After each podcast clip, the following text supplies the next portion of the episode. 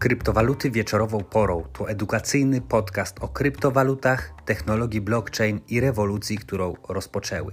Publikowane przeze mnie treści pogłębią Twoją wiedzę, rozwiną inteligencję finansową i pomogą Ci bardziej świadomie poruszać się po rynku. Dzięki temu masz szansę uniknąć wielu błędów, które mogą Cię drogo kosztować, oszczędzić sporo czasu i pomnożyć swoje oszczędności. O Bitcoinie i nie tylko.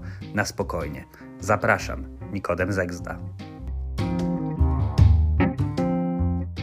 Pamiętajcie, że wszystko, co powiem w tym nagraniu, nie jest poradą inwestycyjną. Jest to moje prywatne zdanie. Jeżeli lubicie otrzymywać darmowe gratisy, bonusy, to sprawdźcie opis do tego nagrania. No i oczywiście koniecznie zasubskrybujcie kanał, żeby nie ominął Was żaden odcinek.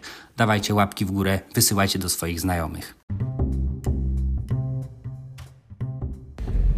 Cześć. W dzisiejszym odcinku chciałem pomówić troszeczkę na temat wartości, generalnie wartości e, poszczególnych rzeczy e, w ogóle istniejących, tak? I tego, czym ogólnie jest wartość, bo do, e, zainspirowało mnie do takiego nagrania dyskusja na naszej grupie na Telegramie odnośnie wartości NFT.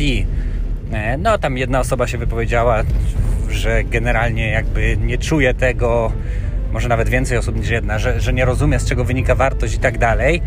I to jest dla mnie zrozumiałe, że dla kogoś na przykład takie NFT czy kryptowaluty e, nie stanowią wartości, natomiast zawsze nas, jeszcze jak pracowałem, pamiętam w branży finansowej jakiś czas temu, no dobrych kilka lat temu, to nas zawsze nam, nasi mentorzy powtarzali, że możesz mieć albo rację, albo pieniądze. Generalnie oczywiście można mieć rację, natomiast y, nauczono nas też, że rację ma generalnie rynek, tak? To znaczy, jeżeli. Bo czym jest w ogóle wartość? Wartość jest zawsze po pierwsze kwestią umowną i również kwestią subiektywną. Najprostszy przykład jest y, chociażby szklanki wody, tak? która zasadniczo w normalnych warunkach nie ma wielkiej wartości, natomiast na pustyni, y, kiedy jesteś spragniony, może ona, możesz całe swoje bogactwo oddać, prawda, za tę szklankę wody. Więc wartość jest po pierwsze zawsze subiektywna, a po drugie jest umowna. To znaczy, wartość ma to, co ludzie uważają, że ma wartość. Jeżeli ludzie zgadzają się co do tego, już po, po przechodząc jakby yy, nad kwestią użyteczności, nad kwestią jakby innych cech danego powiedzmy aktywa czy produktu, czy to będzie, nie wiem, cokolwiek, tak? E, Bitcoin, e, ziemia, jakaś nieruchomość, jakiś samochód, no cokolwiek generalnie e, ma wartość to, co ludzie uważają, że ma wartość i panuje pewien konsensus wokół tego, bo można by było powiedzieć równie dobrze odnośnie złota. No dlaczego złoto ma wartość? Dlatego, że ludzie uważają, że złoto ma wartość. Zasadniczo jest to jakiś tam po prostu metal szlachetny, których jest y, wiele.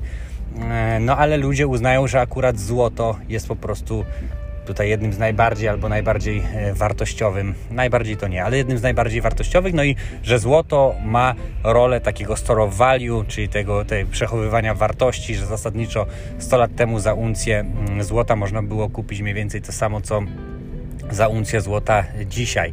Więc yy, zawsze wartość jest kwestią umowną i każda wartość i dotyczy to również właśnie NFT, czy kryptowalut, bo ktoś może powiedzieć, że dla niego te obrazki, czy niekoniecznie NFT musi być obrazkami, ale załóżmy, że obrazki no nie, nie stanowią wartości, tego nie czuje, nie rozumie i tego oczywiście ma do tego prawo.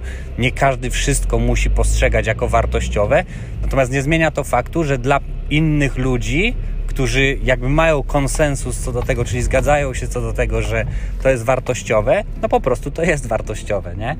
Więc e, trochę na zasadzie takiej, że e, jeżeli, no, żeby nie być mądrzejszym niż rynek, tak? Jeżeli rynek coś wycenia w jakiś określony sposób, no to Twoim zadaniem jako inwestora jest generalnie to rozpoznać i jeżeli uznasz za mm, wartościowe dla Ciebie również, tak zakładam, chociaż nie musisz, może być wartościowe dla innych, dla Ciebie nie musi być wartościowe, ale możesz na tym zarobić, prawda?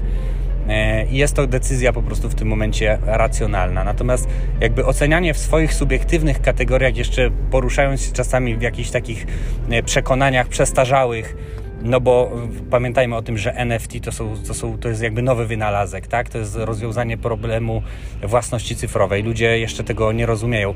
Jeżeli ty słuchasz tego podcastu, to jesteś dużo, dużo dalej niż taki przeciętny Kowalski, który w ogóle nie wie, co to jest NFT, mm, ale oczywiście jakby ci, którzy mają wiedzieć, to już wiedzą i już na tym zarabiają.